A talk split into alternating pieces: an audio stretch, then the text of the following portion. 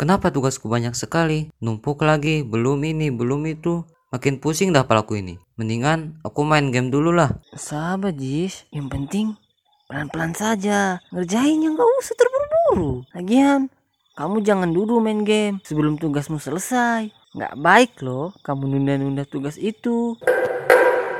Tuh kan, azan kan. Mendingan kamu sholat dulu biar pikiran kamu tenang. Ah, males lah. Aku tuh bisa tenang pikiran kalau main game. Nanti juga bisa kok sholat mah. Santai. Nggak boleh gitu Jis. Tuhanmu kan nggak ngajarin kamu lalai dalam beribadah, iya kan? Sama seperti Tuhanku. Setiap hari Minggu datang ke gereja untuk memohon ampun dan doa. Dah, sholat dulu sana. Nggak usah main game terus kamu. Walaupun kita berbeda agama, tapi kita harus saling mengingatkan dalam kebaikan. Karena perbedaan itu anugerah dari Tuhan. Bahwa kita semua ini manusia yang beragam.